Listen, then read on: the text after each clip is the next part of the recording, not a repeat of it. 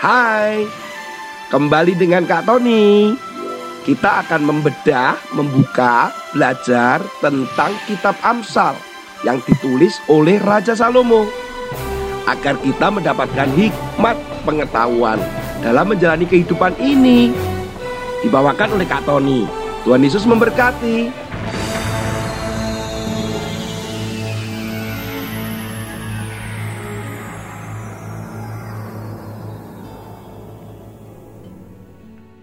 Hai anak-anak, pernahkah kalian tahu tentang burung lovebird atau burung cinta?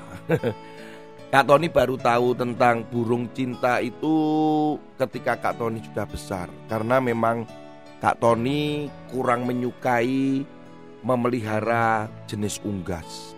Lovebird ini ternyata Kak Tony baru tahu warnanya tuh begitu luar biasa bulunya ya Tuhan.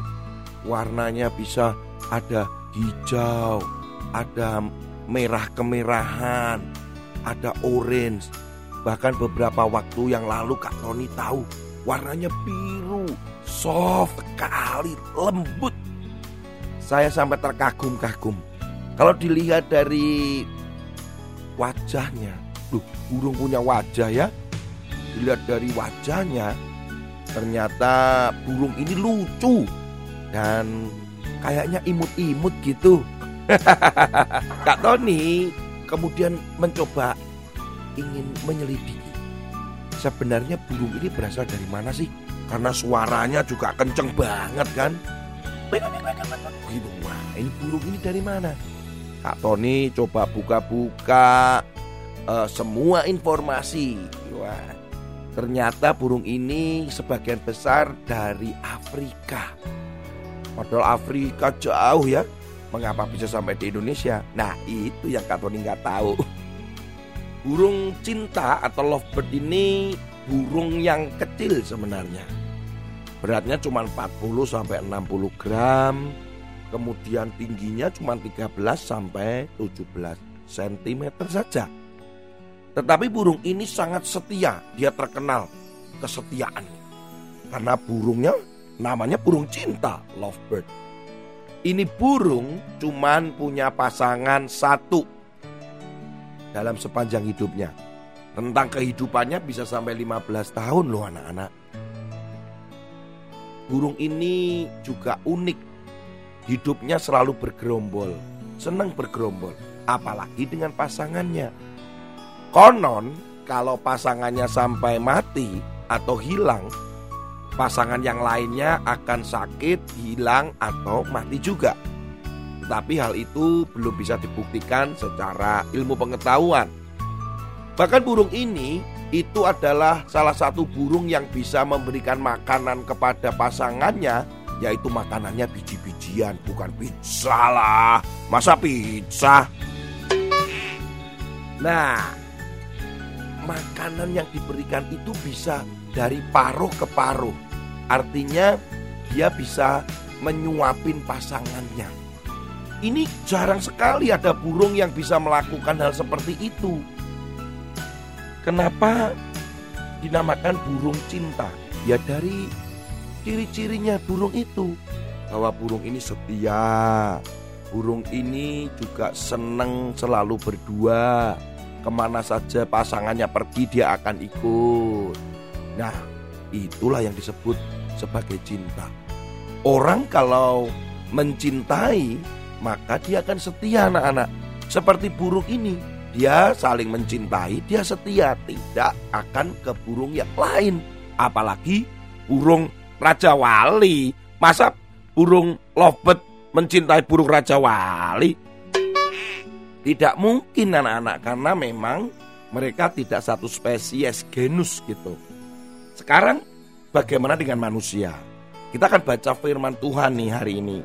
Di dalam Amsal pasal yang ketiga ayat yang ketiga. Janganlah kiranya kasih dan setia meninggalkan engkau. Kalungkanlah itu pada lehermu tuliskanlah itu pada loh hatimu.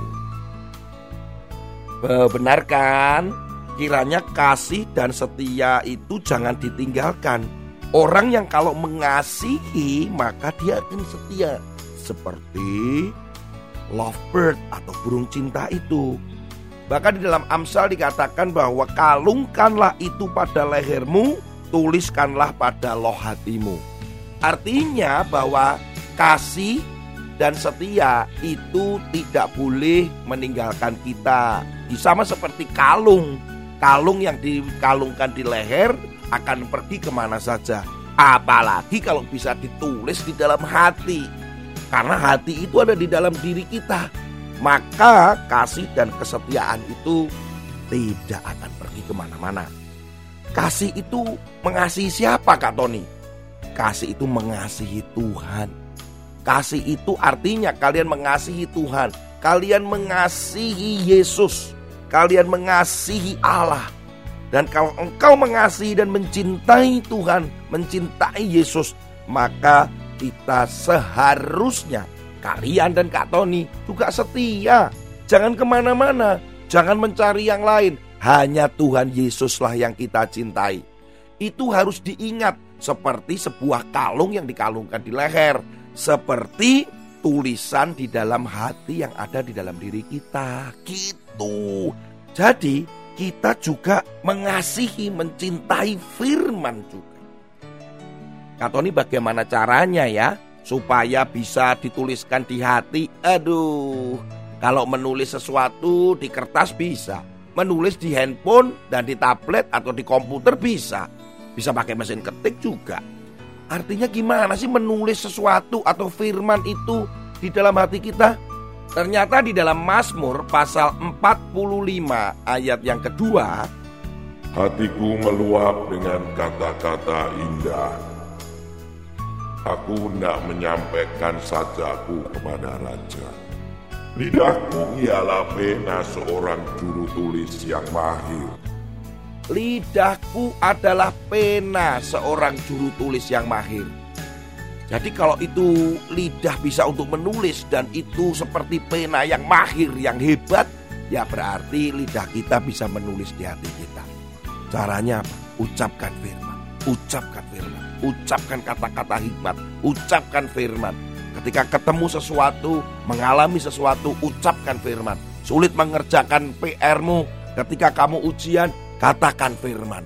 Itu akan ada dan tertulis di hatimu karena lidah kita anak-anak itu benar-benar menjadi pena yang hebat, menjadi alat tulis, menjadi ballpoint, menjadi pensil yang hebat dan itu akan bisa menulis sesuatu di hatimu. Dengan cara apa? Ngomong, katakan firman. Apa pun yang kamu alami. Makanya diawali dengan baca firman dulu. Bagaimana menulis, wong nggak tahu yang ditulis. Yang ditulis adalah firman yang kalian baca setiap hari. Dan Kak Tony percaya itu akan membuat engkau selalu ingat tidak meninggalkan Yesus, tidak meninggalkan firman dan engkau akan setia seperti seperti seperti seperti lovebird. bukan, bukan. Ya, artinya seperti yang Tuhan inginkan. Gitu. Tuhan Yesus memberkati anak-anak. Haleluya.